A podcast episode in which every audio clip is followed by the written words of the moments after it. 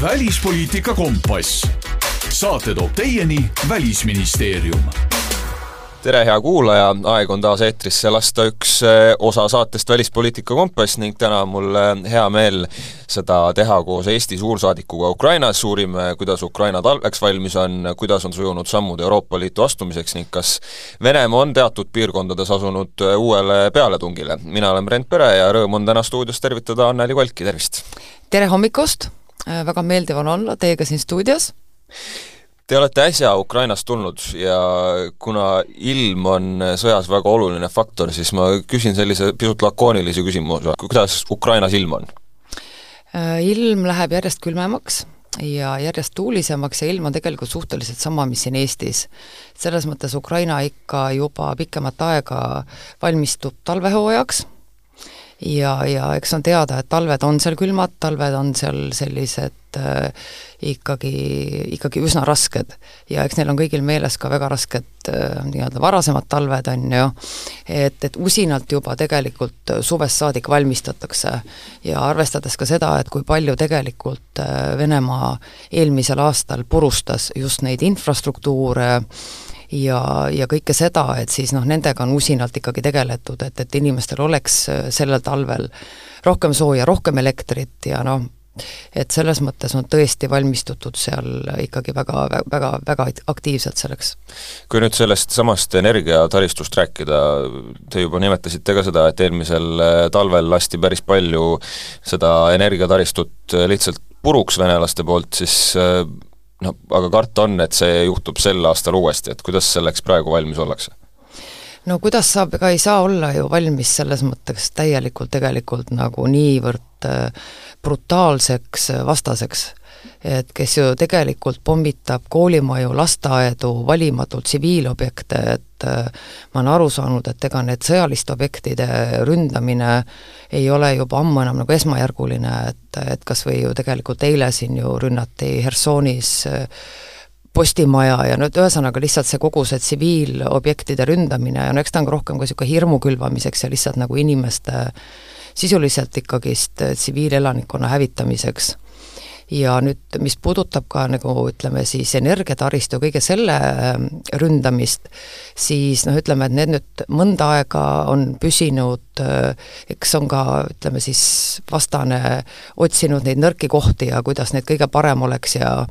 ja, ja, ja noh, eks ka Ukrainas räägitakse, et kui viisteist äh, oktoober algas tegelikult kütteperiood, et ega väga palju ennem seda võib-olla ei olegi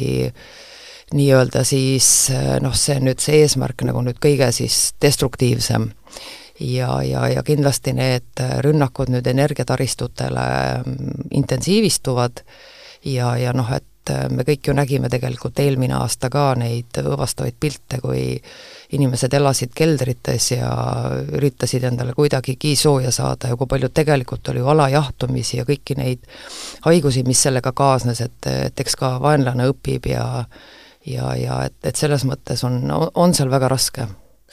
kuidas selle parandamisega üldse on, kas seda praegusel hetkel üldse noh, ma ei saa küsida, et kas on mõtet teha, aga kui äh, produktiivne selline tegemine on, sest et teada on, et parandad ära, võib pauk tulla täpselt samasse kohta ja mis mind tegelikult positiivselt üllatas ja no eks ma olin sellest ka ennem kuulnud, oli Ukrainasse minnes, et mulle tegelikult väga meeldib ukrainlaste suhtumine, et nad teevad kõik korda. see tegelikult annab inimestele lootust. et jah, loomulikult nad teavad, et noh, järgmisena võib taas kord tabada jälle sedasama, eks ole, korda tehtud, aga see on ikkagi selline nagu ka lootuse andmine ja see, et me näitame tegelikult vaenlasele, et noh, me ei jää sinna nagu elama tühermaale ja ootama, et noh, millal siis nüüd kõik päriselt nagu, vaid et me ehitame järjest üles ja, ja eks ka neid, mida nüüd uuesti üles ehitatakse ja rekonstrueeritakse, tegelikult ju väga palju ka doonorite abiga. ja neid kindlasti tehakse ka rohkem, ütleme siis rünnakute kindlamaks ja, ja ka ukrainlased on väga palju sellest õppinud, et ja kindlasti on võetud ka siis energiataristud ja just sellised, mis puudutavad nagu väga otseselt äh,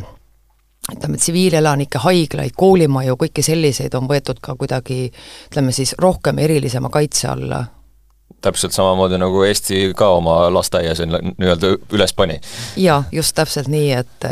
ja, ja ka Eesti lasteaias on tegelikult ju ehitatud väga korralik pommivariant, mis vastab kõikidele reeglitele, et et selles mõttes nagu ka ukrainlased on noh, veel kord ma nagu iga päev hämmastan nende nagu äh, nende võimekusest, noh, nende vaprus niikuinii on ju, aga just see, et kuidas nagu, kuidas nad ikkagi nii-öelda teevad seda kõike ka pikka pers-, perspektiivi silmas pidades. Te mainisite lootust, ma küsin, kuidas lootusega Ukrainas on, kui sõja algusest, täiemahulise sõja algusest on möödas üle pooleteist aasta? Äh, lootus püsib ja, ja, ja lootus püsibki tegelikult ju tänu nendele samadele vapratele ukrainlastele, kes on, kes võitlevad rindel ennastsalgavalt ja tegelikult ju ka kõik need Ukraina inimesed, kes on jäänud sinna elama ja, ja, ja ka kõik need, kes tegelikult, kellel ongi võib-olla tõesti kodud on ära pommitatud, kellel ei ole võimalust seal elada nendes sõjapiirkondades või ütleme, kus on suisa nagu olnud okupatsioon et kes äh, on sunnitud äh, põgenema siis äh, teistesse väljaspool Ukraina, elama väljaspool Ukrainat, et nad kõik tegelikult ju toetavad edasi. ja see lootus on seal nagu, see on võimas. ja, ja usutakse oma sõdureid ja usutakse oma liidreid ja, ja juhtkonda ja, ja ukrainlased nagu tõesti ikkagi teevad kõik, mis nende võimuses, et, et see sõda võimalikult kiiresti võita ja et see lihtsalt ka üle elada kuidas rindel see seis on, alles hiljuti mul õnnestus rääkida ühe NATO luureametnikuga ja vähemalt tema väitis täiesti raudkindlalt, et initsiatiiv on Ukraina käes, kas seda on seal tunda näha ka? Äh, jaa, kindlasti, et initsiatiiv on Ukraina käes, eks muidugi läheb rindel äh,, ei lähe, ei lähe kergelt, ütleme niiviisi, et äh, ja, ja tegelikult ongi väga palju ukrainlastel puudu relvastust et, et see on number üks või tegelikult kõige põhilisem probleem ja tegelikult sellest räägib ju ka Ukraina president Zelenskõi, et et, et relvi, relvi, palun andke meile laskemoona, relvi, et, et, et ka see kõik ju tegelikult toetab seda, et, et kui me samal ajal ehitame uuesti üles Ukrainat, me ehitame üles infrastruktuuri, et meil on võimalik neid kaitsta ka, et et et selles mõttes kindlasti on, on initsiatiiv Ukraina käes, aga ukrainlased on näidanud seda juba ju tegelikult viimased poolteist aastat, et nende vaprus, nende nutikus ja ka tegelikult kõik need abisaadetised või ütleme ka kõik need doonorid ja kõik, kes on ukrainlastele appi läinud enda relvadega ja kõigi enda know-how'ga, et, et ka see on neile väga palju andnud jõudu, lootust ja, ja noh, ma arvan, et äh, oma maad, oma rahvast kaitstes, et äh, ega noh, lootus ei saagi ära surra, et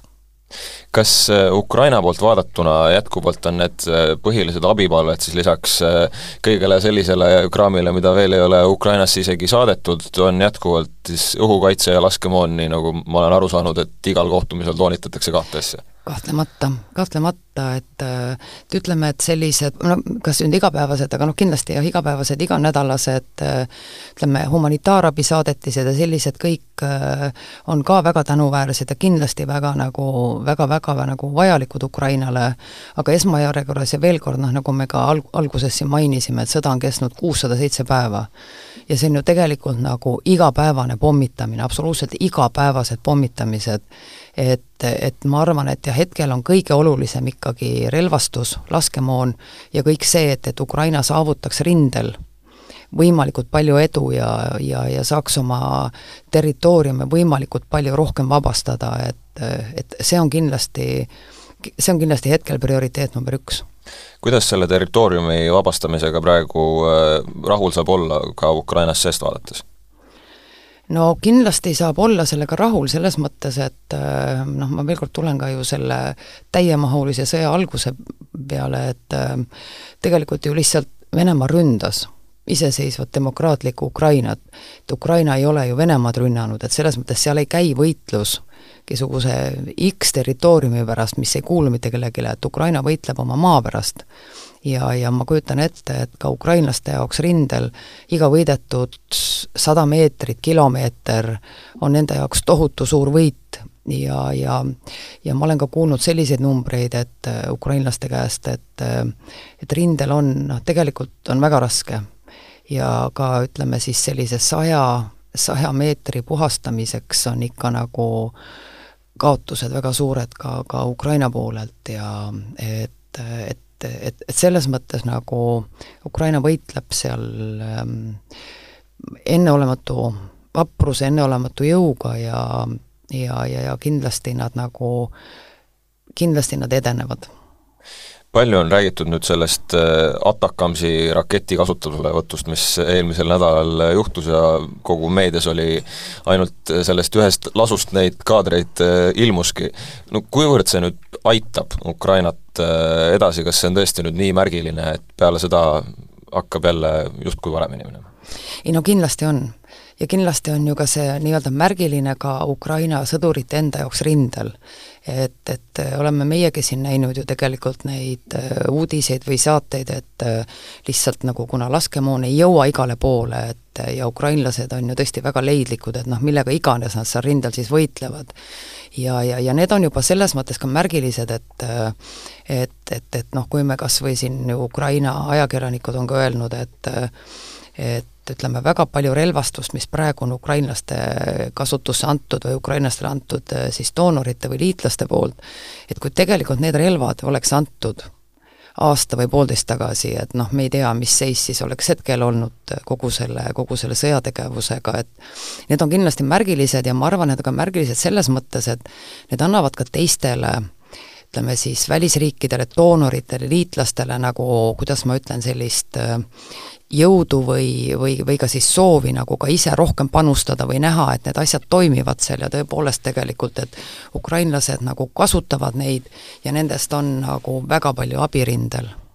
kuidas äh, Venemaa kogu sellele tegevusele vastab, teada on, et nad nüüd näiteks Avdiivikas on äh, hoopis ründetegevusele tagasi astunud?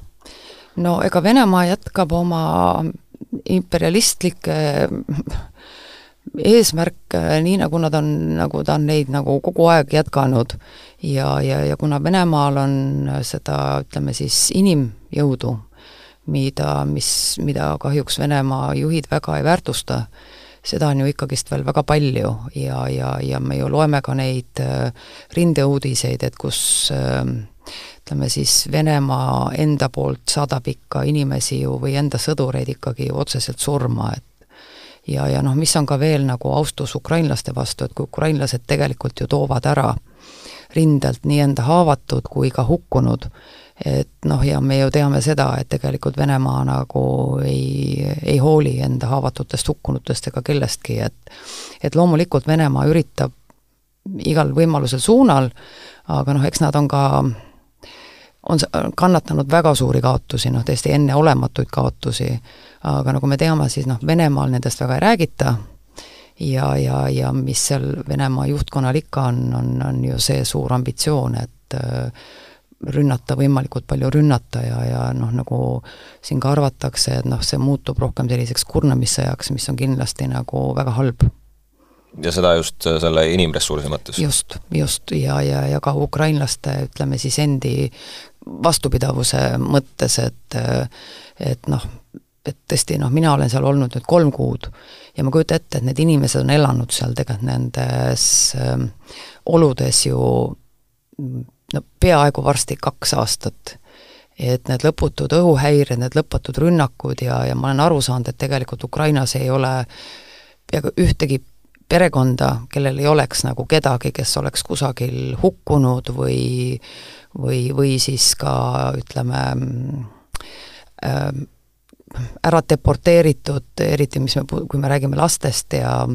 ja, ja ka noh, ütleme, me ju oleme lugenud ka neid Vene armee igasuguseid muid sõjakoledusi, et et kus on lihtsalt piinamised, vägistamised, vägistatakse ju lapsi, vanureid, et noh, et need sõjakoledused lihtsalt on minu arust kirjeldamatud seal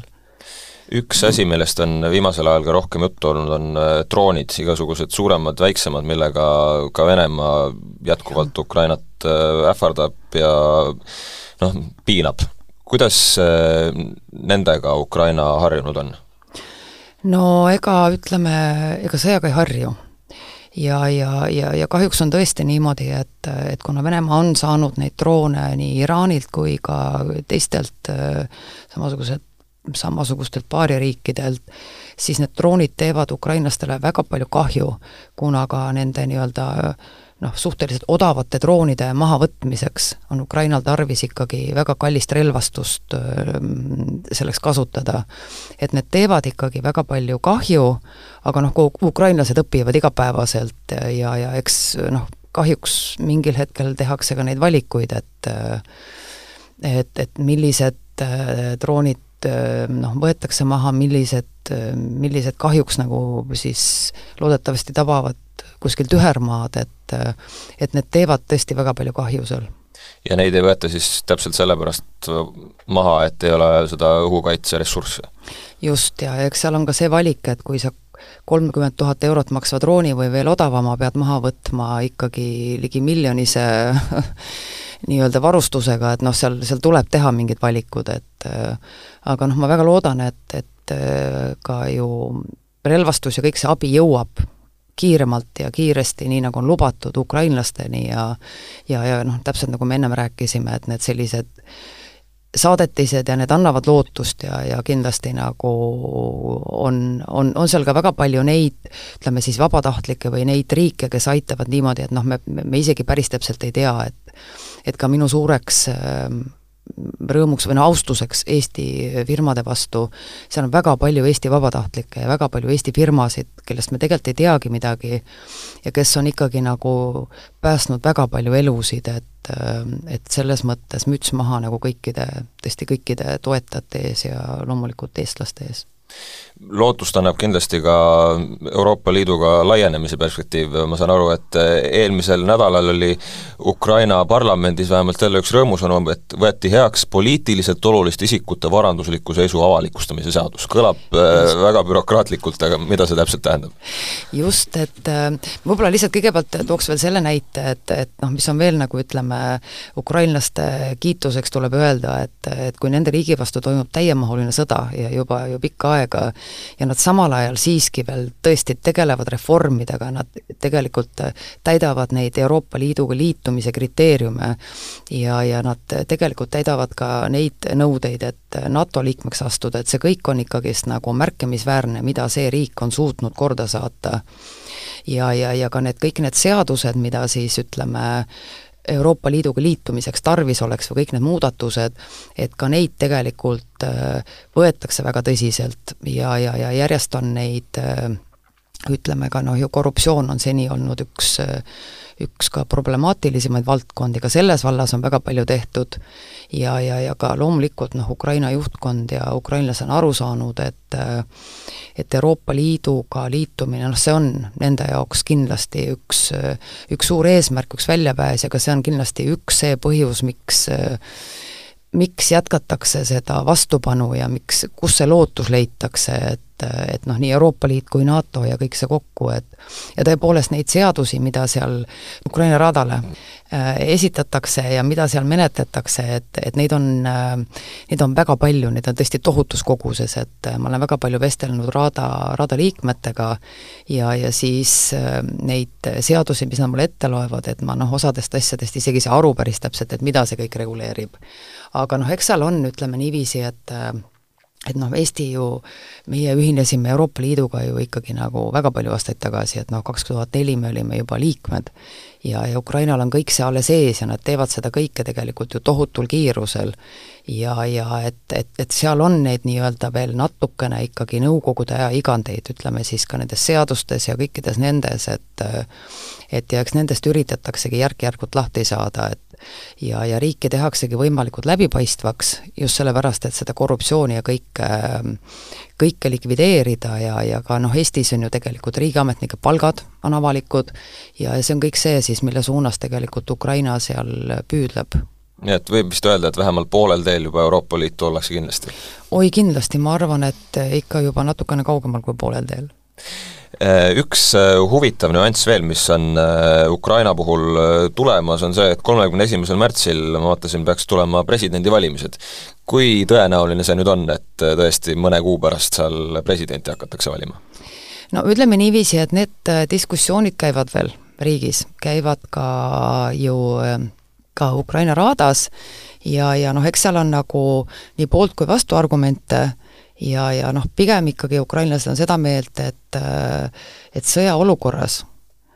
ähm, presidendivalimisi läbi viia on tegelikult väga keeruline. Ja ütleme just, et isegi mitte võib-olla siis äh, nii-öelda poliitilisest vaatevinklist, vaid just inimeste siis, äh, inimeste teavitamisel, inimeste nii-öelda siis kaasamisel ja haara, haaramisel sellesse poliitilisse ellu. et ja noh, tegelikult ma ju ise nägin ka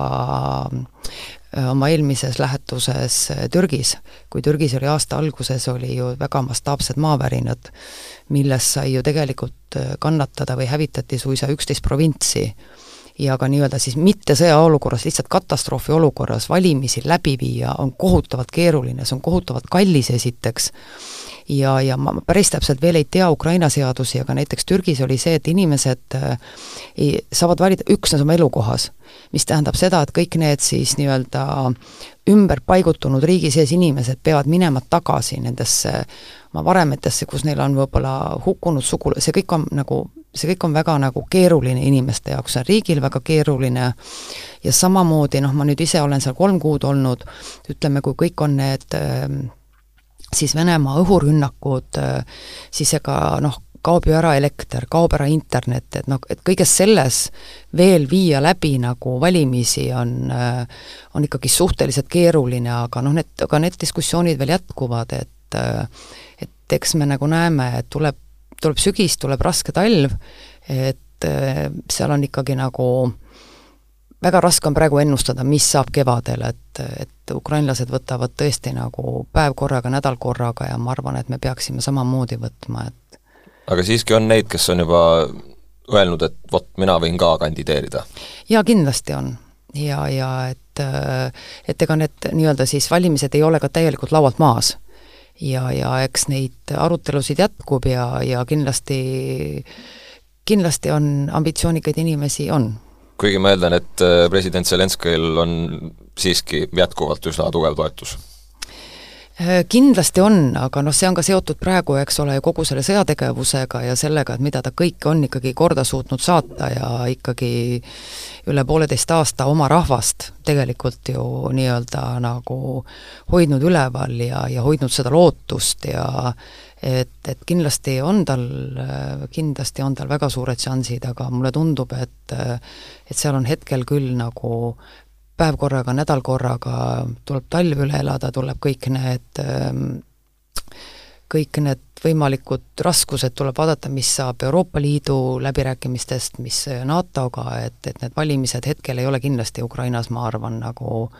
nüüd number üks prioriteet kuivõrd nüüd äh, lõpetuseks on äh, kõik need muud sõjakolded äh, kuidagi mõjutanud seda Ukraina toetamist või vähemalt seda, et mis Ukrainas sees tundub olevat, noh, Iisrael, Hamas, vahetult enne sõda oli Armeenia, Aserbaidžaani, Mägi-Karabahhi konflikt ja nii edasi, neid kogu aeg tuleb peale ja noh, näha on, et seal on siiski teatud Vene sidemed taga jaa, no kindlasti ja no ütleme niiviisi, et ega igasugused kriisid ja sõjad tegelikult ju, ju mõjutavad laiemalt äh, ütleme, julgeolekukorda, riikide suhteid, ja eks nad selles mõttes on kõik väga kahetsusväärsed ja eelkõige just äh, noh, loomulikult nendele inimestele, kelle vastu need sõjad on suunatud, aga ka Ukraina jaoks, et et just arvestades, et ütleme, igasuguste kriiside, sõdade puhul ju tekivad ikkagi mingisugused riikide, kuidas ma ütlen siis, liitlassuhted, mingisugused riigid koonduvad ühtede või teiste riikide taha või ühtede teiste seisukohtade taha ja, ja tulevad uued kriisid peale, kistakse lahti vanad haavad ja, ja need nii-öelda ka suhted, eks ole, natukene juba seal äh, muutuvad ja ütleme, kes varem olid võib-olla väga tugevad Ukraina toetajad, siis nüüd hetkel, kuna on uued kriisid, ütleme kas või seesama see, eks ole, siis äh, Hamasi rünnakud Iisraeli vastu, noh, ka seal ju on nii-öelda need vanad pinged tulevad kõik esile, et, et see kõik on tegelikult väga kahjulik, et äh, et, et, et maailmal on väga raske tegeleda korraga nii paljude kriisidega ja just ka selliste nagu sõjaliste kriisidega, et äh, et noh, ma loodan, et ikkagi võimalikult kiiresti lahenevad kõik need, kõik need kriisid maailmas ja just eelkõige ikkagist äh, tsiviilelanike seisukohast, et noh, see on ikka kõige nagu jõhkram, et kui et kui kui sõjapidamises minnakse ikkagi otseselt tsiviilelanike kallale, et